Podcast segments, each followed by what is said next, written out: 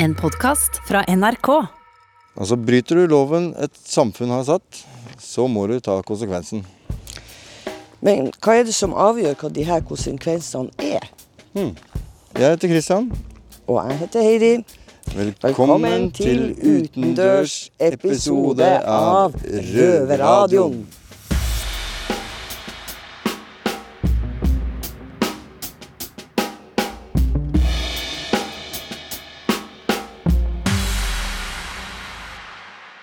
Ok, i dag eh, skal vi fortelle litt om oss sjøl først, kanskje.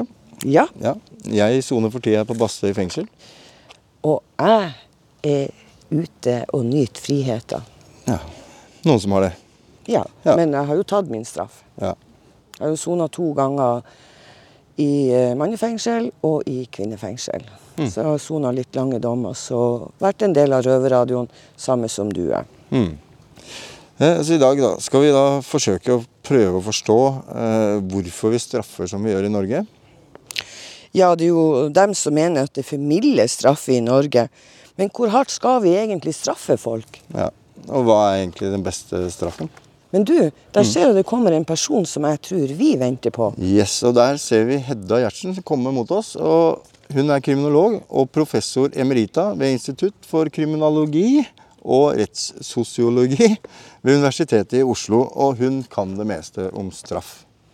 Hei, Hedda. Hei, Kristian heter jeg. Hedda. Ja, nå står vi utafor Akershus festning, da. Eh, og den har vel en rolle i norsk straffehistorie. Kan du kanskje si litt om det? Ja, eh, her var det jo slaveri på Begynte vel kanskje på 1700, i hvert fall på 1800-tallet. Og da var jo straffen slik at de var her på festningen, og en god del av dem gikk ut i byen og gjorde forskjellige arbeid ute i byen. Og det var nok eh, et eh, ganske forferdelig sted og dårlige forhold for fangene, som vi skal se nå senere. Vi skal jo høre masse mer fra deg videre i sendinga, men først la oss nå ta turen til straffens vugge, som jeg liker å kalle det. Ja. Og på veien dit så tenkte jeg å benytte anledningen til å se om jeg kan huke tak i noen folk som ikke soner, og høre hva de syns om straffenivået i Norge. Kristian fra Røverradioen her, jeg lurer på, kan jeg stille et par spørsmål? Ja, fortell, fortell. Hva Nei, syns kom- du om eh, straff i Norge? Altså, er den for milde, eller eh, burde det vært strengere? Det er altfor strenge straffer i Norge. Det er det? Det er det, altså. Ja. Men Hva veit du om straffenivået sånn egentlig, du òg? Jeg vet alt om straffenivået. Du gjør det? Ja. Ja. Eh, Narkotika er for strengt. Eh, vinningskriminalitet.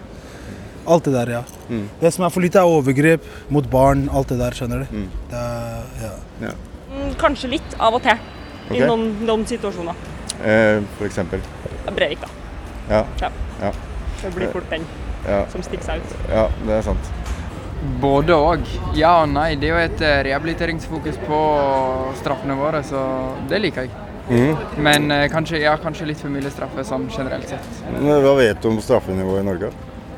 Ikke så veldig mye, men jeg har sett veldig mye forskjellige saker der det Spesielt med overgrep og sånn, så er det veldig mye som, som slipper unna på billig.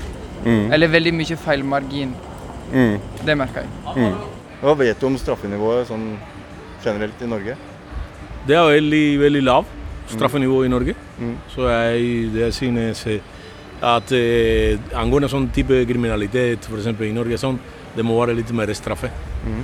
Fordi det er veldig altfor lav. Mm. Så de som eh, pleier å ha sånne kriminalitet, eh, ting, sånne ting, altså, på en måte de, de vet at okay, Norge skal ikke gjøre ingenting, Norge skal være veldig lav, så det er veldig dårlig. Så jeg synes det må være eh, Oslo må være litt mer trygg. Altså, eh, det er jo ikke politiet som skal eh, mene noe om eh, det. Det er jo de oppå eh, mursteinsbygget i Karl Johan her. Hvis du svarer fra som Vanskelig å svare som privatperson når man sitter her i uniform. Ja, Da vil de helst at vi ikke, ikke mener sånne private ting, vet du. ja, ja, skjønner. Men eh, ja, da forsvinner jo de andre Men generelt så hadde det vært fint hvis alle bare kunne være litt mer snille med hverandre. Mm. ønske hverandre litt vel. Ja, tenker jeg vi er på god vei. ja. ja. Det er godt sagt. Ja, Ha en fin dag, i da. like måte. Ha det bra.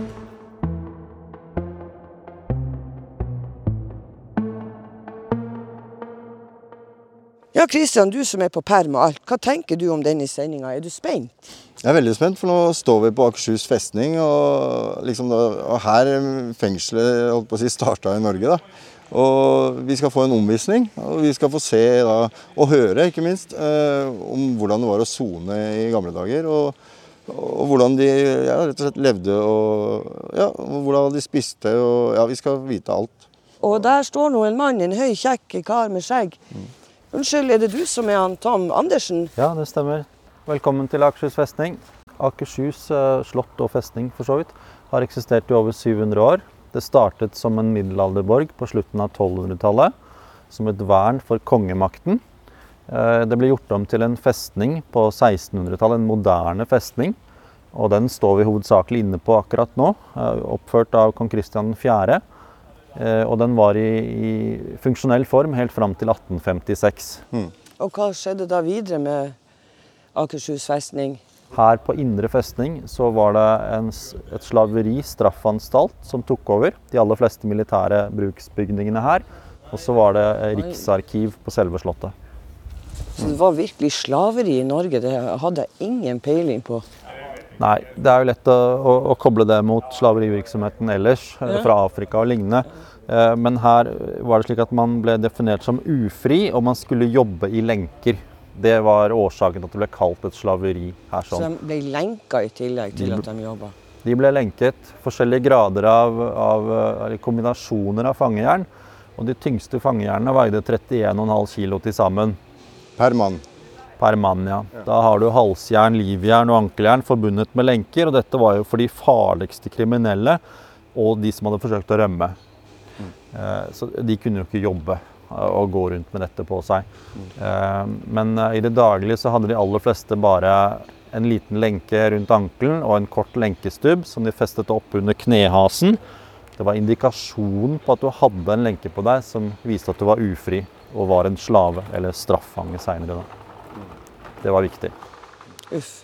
Men eh, når jeg ser meg rundt her, det er jo en enorm eh, eh, bygning eh, som er høgd ut i stein, og det må jo ha vært forferdelig kaldt. Mm. Det er jo rått og brutalt, egentlig. Og så da gå rundt der i lenken, og vinteren må jo ha vært helt forferdelig. Tenk hvor de skal fryse. Her i eldre tid, i, i Norge og i Danmark for så vidt, så, så var det jo slik at man før hadde man altså kroppslig avstraffelse var hovedmetodene. Hvis man gjorde noe galt, så fikk man en kroppslig avstraffelse. Eh, I verste tilfelle så ble man jo drept, altså ble jo henrettet eh, for forskjellige forbrytelser. Etter hvert så snudde dette litt, og man oppdaget at man kunne heller bruke disse menneskene til arbeid som ville gagne staten, rett og slett. Eh, Og som dere også nevnte, de fikk jo ikke spesielt god betaling for dette arbeidet, men de fikk betaling, og de fikk kost og losji, for så vidt, mens de satt her. Eh, Og til å begynne med så gjorde man jo arbeidet for militæretaten eh, på festningene, vedlikeholdt festningen og bygningene. Men så vokste fang fangeantallet. Det vokste veldig i løpet av 1800-tallet. Og da måtte man eh, finne andre måter å sysselsette disse på. Eh, man fant ut at man kunne leie de til private i byen. Eh, så det var ikke uvanlig. Ja, de ble leid ut. Eh, regelen var at hvis du trengte mer enn ti fanger, så måtte du også betale en vokter for å følge denne fangegruppen. Under det så slapp du å betale for vokteren. Så det gikk altså fanger eller slaver rundt i byen, i Kristiania, i lenker og utførte arbeid for private. Det kunne være brostenslegging, vedlikehold, dotømming. Et arbeid de selv ikke ønsket. Ja. Men eh, Kristian, kanskje vi skal bevege litt på oss, så du kan vise oss litt rundt. Jeg er veldig spent og nysgjerrig på alt det du har fortalt. Jeg vil gjerne se alle de her tingene. Ja, jeg tenkte jeg skulle vise dere det såkalte Kronprinsens kruttårn, hvor vi da har Ja. celler i to etasjer i dag. Der står vi foran Kronprinsens kruttårn. Det ble oppført i 1755 som et magasin for kruttet på denne delen av festningen. Eh, Når eh, fangeantallet vokste, så ryddet man vekk kruttet og lagde sovesal for 60 fanger inne i dette tårnet. Og den hvitmalte fasaden her, et relativt lite tårn, og forholdene var helt forferdelige der inne. Det var veldig lite Det var en dør på andre siden, for så vidt. Og en lite, lite vindu. Det var all luftemulighetene man hadde. Så man fikk ikke lov til å være inni der på dagtid. Det var kun sovesal for fangene. Så uansett vær og vindforhold, så måtte de være ute hele dagen? De som ble hensatt her, de måtte være ute hele dagen. ja, Helt riktig. Det var ikke tillatt for dem å være der inne på dagtid. Og de delte én bøtte med lokk som felles avtrede, som da ble tømt og skylt på, på dagtid. fysj. Og dette var jo folk som bedrev ganske tungt kroppsarbeid. Eh, de fikk ikke tilgang på såpe, ikke på håndklær. Eh, og det krydda lus og utøy her. Eh, og det står ganske tydelig i at sengestedene var fylt med halm. Eh, hodeputen var fylt med halm. Og dette ble byttet eh, omtrent, fi, omtrent fire ganger i året, som det står. Ja, mye dyr oppi der. Uff. der var det ganske ille. Man fikk eh, bukt på dette utover på 1860-tallet. Da fikk man flere badekar her og mulighet til å bade også på vinteren. Ellers på sommeren kunne man hoppe i havnebassenget her, altså utenfor, nedenfor Akersneset. Eh, og så fikk man, da, fikk man også såpe, så det ble bedre. Men det var mange som døde her, da? Eller når man lever sånn? Jeg, eh, om, om folk døde av arbeid der, det er jeg usikker på, men, men folk var jo hensatt hit på livstidsdom. Så klart man, man døde, men man ble jo fysisk utslitt. Det var jo kroppslig tungt arbeid, dette her. Så her er mer hardbarka forbrytere. Ja, på et vis. Det var ikke noe adskillelse mellom fangene her, avhengig av hva de satt inne for. Altså livstidsdømte jobbet i samme sal, sov i samme sovesal som en person som var dømt for f.eks. to års straffarbeid bare. Eh, så, og det mente man altså, Man ødela hverandre moralsk da, på denne måten. De som allerede det ikke var noe håp for, de lærte jo opp de nye i faget, ikke sant? og så slapp de ut som bedre kriminelle enn før. Men vet du, sånn er det i dag. Akkurat Ja. det samme foregår i dag. Og i dag så knytter vi internasjonale kontakter, så vi kan smugle og styre over en lav sko. Ja. Sant? Så det, det bygger jo bare opp en mafiavirksomhet, og det tror jeg ikke fengselsvesenet forstår. Det er akkurat på samme vis, ja. Nettopp. Dessverre. Man endret jo fengselssystemene i, i landet eh, gjennom 1800-tallet. Her var det normalt store sovesaler med inntil 100 personer i en og samme sovesal. Eh, få voktere, dårlig lønn hadde de, nesten ingen utdannelse. Eh, tok imot bestikkelser over en lav sko fra fangene. Skaffet det fangene ønsket seg. Eh, og dette holdt ikke. I 1872 kalte en fengselskommisjon Akershus fengsel en planteskole for last og forvorpenhet.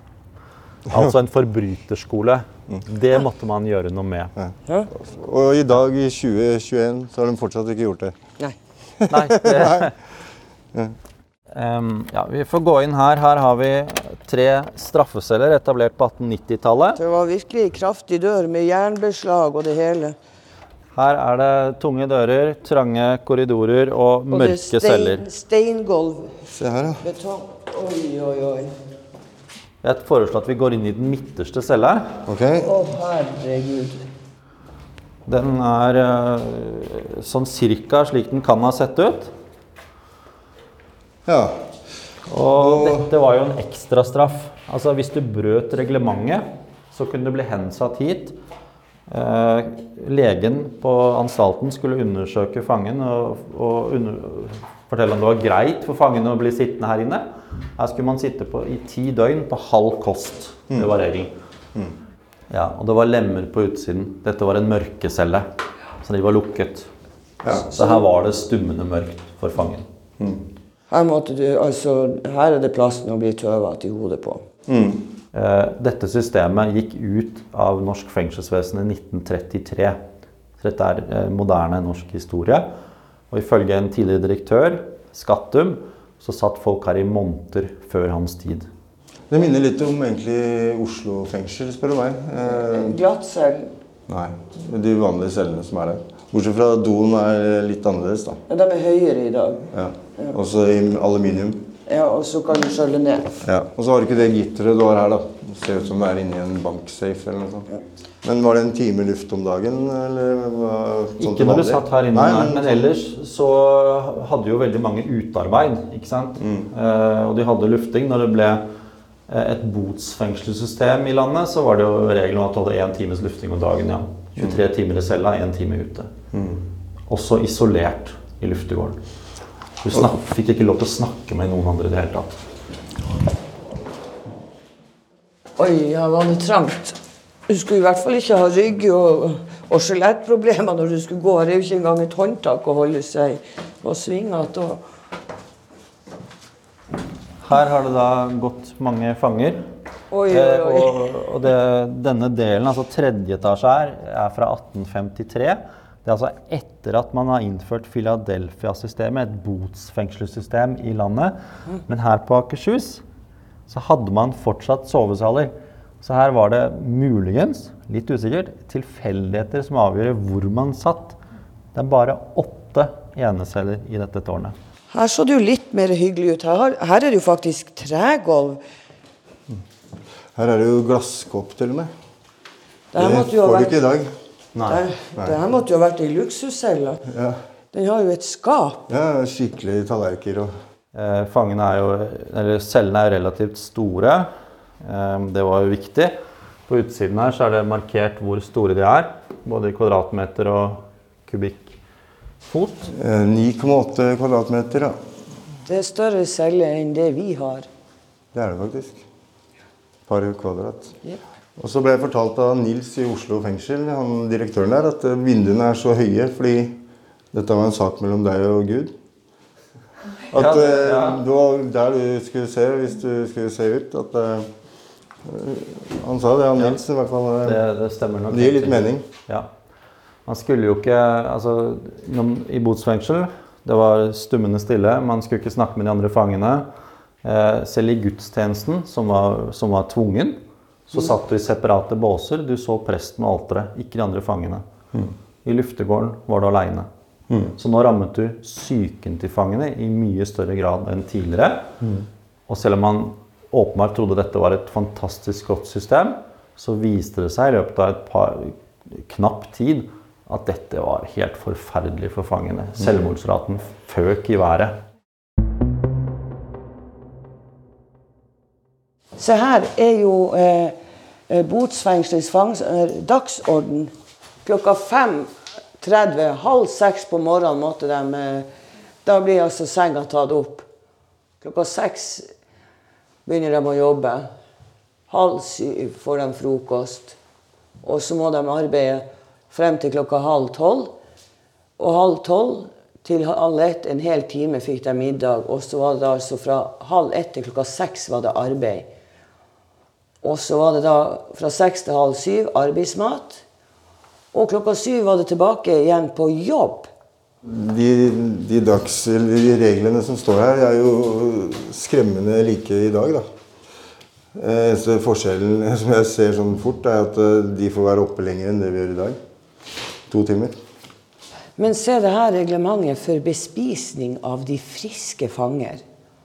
Søndagsmorgen så får du altså en halv pott øllebrød eller en halv pott melkepapp og 14 lodd brød.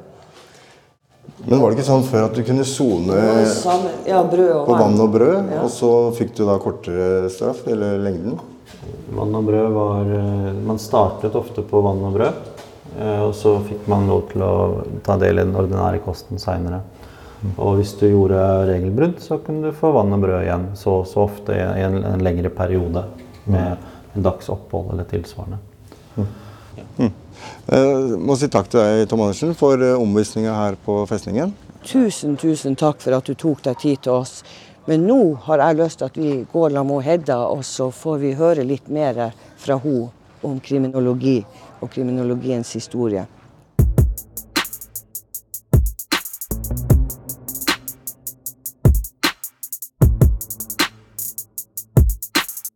Eh, Hedda Gjertsen, du er som vi nevnte i starten av sendinga kriminolog og professor emerita ved Institutt for kriminalog... Krimin, kriminologi og rettssosiologi ved Universitetet i Oslo. Litt vanskelig ord å uttale dette her. Eh, Nå har vi vært rundt på festningen her, og hva slags tanker har du gjort deg eh, nå som vi har vært på en sightseeing her? Jeg har gjort meg flere tanker, og særlig festet meg ved det som dere sa noen ganger. eh, At dette har jo klare likhetstrekk med hvordan situasjonen er i dag. Mm. Og at dette med både isolasjonen fra samfunnet, men også den isolasjonen som foregår hver eneste natt, eh, er eh, den samme og inndelingen av dagen. Hva er egentlig straffens funksjon i Norge? Det ene er jo at du skal eh, påføres et onde i den hensikt at det skal oppleves som et onde. Det er jo den gamle, tradisjonelle forklaringen som gjelder i dag òg. Den kommer jo til syne i forholdsmessighetsprinsippet om at du skal ha et onde som tilsvarer eh, det hvor alvorlig man ser på handlingen som er begått. Eh, så det er det ene. Og det andre er jo at man samtidig også tenker at straffen ikke bare skal være et mål i seg selv da, på denne måten, men den også skal ha en virkning. Nemlig at den skal føre til mindre kriminalitet i samfunnet. Og det tenker man seg foregår på to måter. Det ene er avskrekking, og det andre er rehabilitering. Så det er liksom disse tre hovedtingene. Det som også er kommet til, er at det skal liksom skape sosial ro. At folk liksom tar det med ro fordi lovbryterne blir straffet. I 2017 så ble det gjort en undersøkelse av Amnesty i Norge, eh, hvor det kom fram at én av fem nordmenn åpner for bruk av dødsstraff. Eh, Hvor langt eh, syns du vi eller, som samfunn skal gå? Altså, du, du kan jo si at man kan tenke om lovbrudd liksom på to hovedmåter. Den ene er om man tenker på det liksom i en sånn moralsk, verdimessig sammenheng. Da. Og så man, tenker man hvor alvorlig en handling var. Og derfor så må den straffes. Og da liksom sånn moralistisk. Man har bare det perspektivet. Men vanligvis så er det jo eh, slik at vi også på en måte kobler på det sosiale. Vi kobler på at vi ønsker å forstå hva var det egentlig som hendte. Vi vil gjerne vite det. Vi er jo veldig opptatt av på en måte om drap blir oppklart, og om de blir riktig oppklart, som jo er saken nå for tiden. Og vi er jo også opptatt av å skjønne hva var det som hendte. Hvordan var relasjonen mellom folk? Og, og f.eks. drap og drap og vold og vold er jo veldig mange forskjellige typer handlinger. Men eh, til valget i år da, så gikk jo Høyre og Fremskrittspartiet eh, til valg på å øke straffenivået og forlenge eh, strengeste straff til 50 år. Og Fremskrittspartiet skrev i partiprogrammet sitt at dagens straffenivå i Norge er for mange typer forbrytelser så lavt at det ikke harmonerer med befolkningens rettsoppfatning. Eh, Hva påvirker våre holdninger til rettferdighet? Når de sier at det er den vanlige rettsoppfatningen, så er det jo slik at den seneste undersøkelsen som jeg vet om, om rettsoppfatninger i de nordiske landene fra 2010, den viser jo at det slett ikke er tilfellet. Og dette her gjaldt, eh, alle, det gjaldt liksom seks forskjellige lovbrudd som alle førte til ett års fengsel omtrent. Eller kunne det.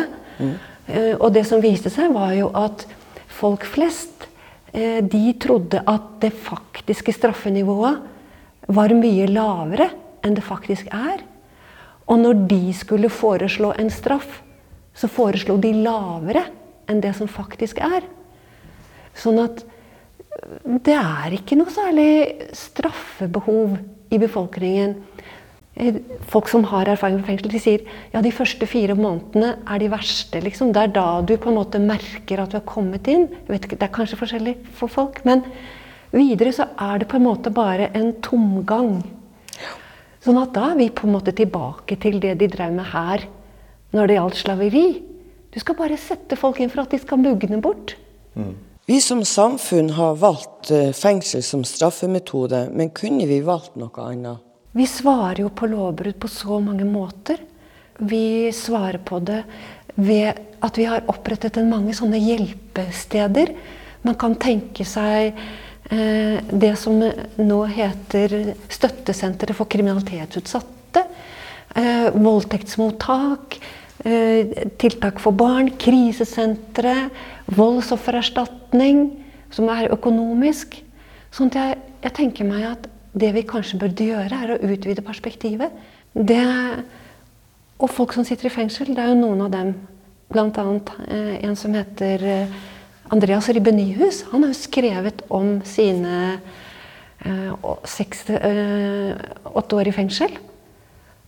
Og det han var opptatt av, det var jo at fengslene gir jo ikke noen mulighet for å sone.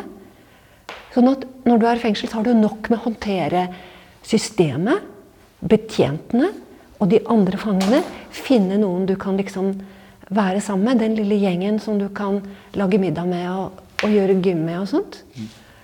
Eh, og så har du nok med å håndtere betjentene, som jo, etter hva jeg har skjønt, er eh, sammensatt og forskjellige, de òg. Og, og all den derre systemiske disiplineringen som han skriver, egentlig ingenting med sikkerhet å gjøre. Det er bare drilling. Og det har ingen fornuft. Og Det å bli utsatt for ingen fornuft, det er også veldig på en måte degraderende følelse, vil jeg synes, i hvert fall. Det er jo det. Det er regrederende å være i fengsel. Ja. Så det vil jo si at du mister ære, da, rett og slett. det- Det er det du skal vinne tilbake. Ja. Ikke bare ære, men når det er regrederende, så går vi jo tilbake Ja. mentalt og utviklingsmessig. Men jeg tror, jeg tror dere er inne på noe veldig viktig. At du mister ære, og at det er det som mange fanger opplever. At det er nedbrytende. Nedbrytende for følelsen av å ha litt verdi. Ha verdi. Og at hvis du skal komme deg videre, så er det noe av det viktigste som kan skje med deg. At du ikke ydmykes. Ja, jeg er helt enig med deg i det. Men hva med offerperspektivet? Det har blitt et sånt stort tema, og det er viktig og det er bra. Men vi må jo se det vi gjør. Det er jo ikke sånn at vi liksom Noen reduserer jo det perspektivet utrolig og sier offeret for en voldshandling, overgrep, hva det kan ha vært.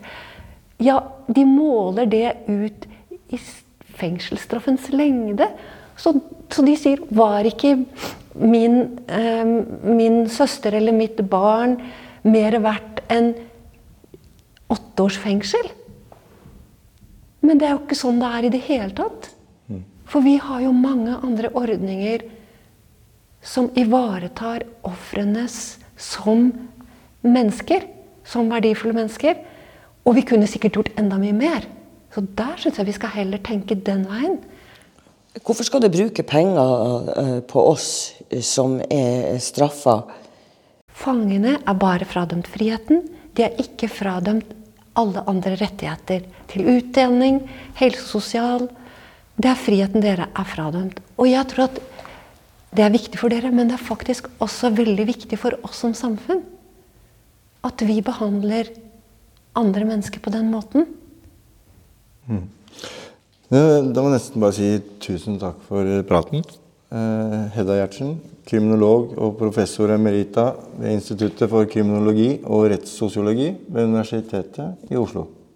Tusen takk til dere. Der uttalte jeg det riktig òg. Ja. Ikke verst.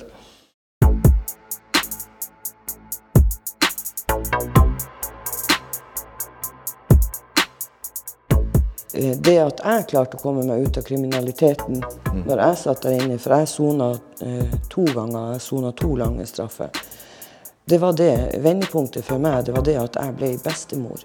Mm. Det berga meg. Fordi at jeg ville bli ei god bestemor. Jeg følte det at med at jeg sona, så var det datter mi Hun sona på lik linje med meg. Fordi at hun blir jo fratatt mora si. Så det er jo ikke bare vi som blir dømt, som får en straff. Men, Nei, det er jo familien rundt. Ja. Ja. Og når man har et godt nettverk, så har man en mulighet til å komme tilbake. Men det har dessverre ikke alle. Ikke sant? Ingen tvil om at vi skal gjøre opp for oss for at vi har gjort noe galt. Det er klart, men det hadde vært ålreit å komme ut eh, med et bedre utgangspunkt enn det man har i dag. Men eh, skal vi da runde av sendinga, Heidi? Røverradioen er tilbake om ei uke søndag klokka 20.30 på P2. Og inntil da så kan du alltid høre oss på podkast. Med mindre du sitter inne. Det er helt riktig. God dag. Ha det! Røverradioen er laga for og av innsatte i norske fengsler. Tilrettelagt for streitinger av Klynge for NRK.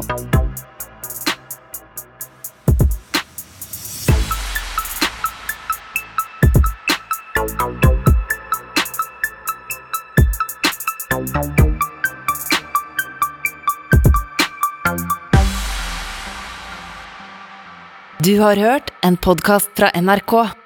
De nyeste episodene og alle radiokanalene hører du i appen NRK Radio.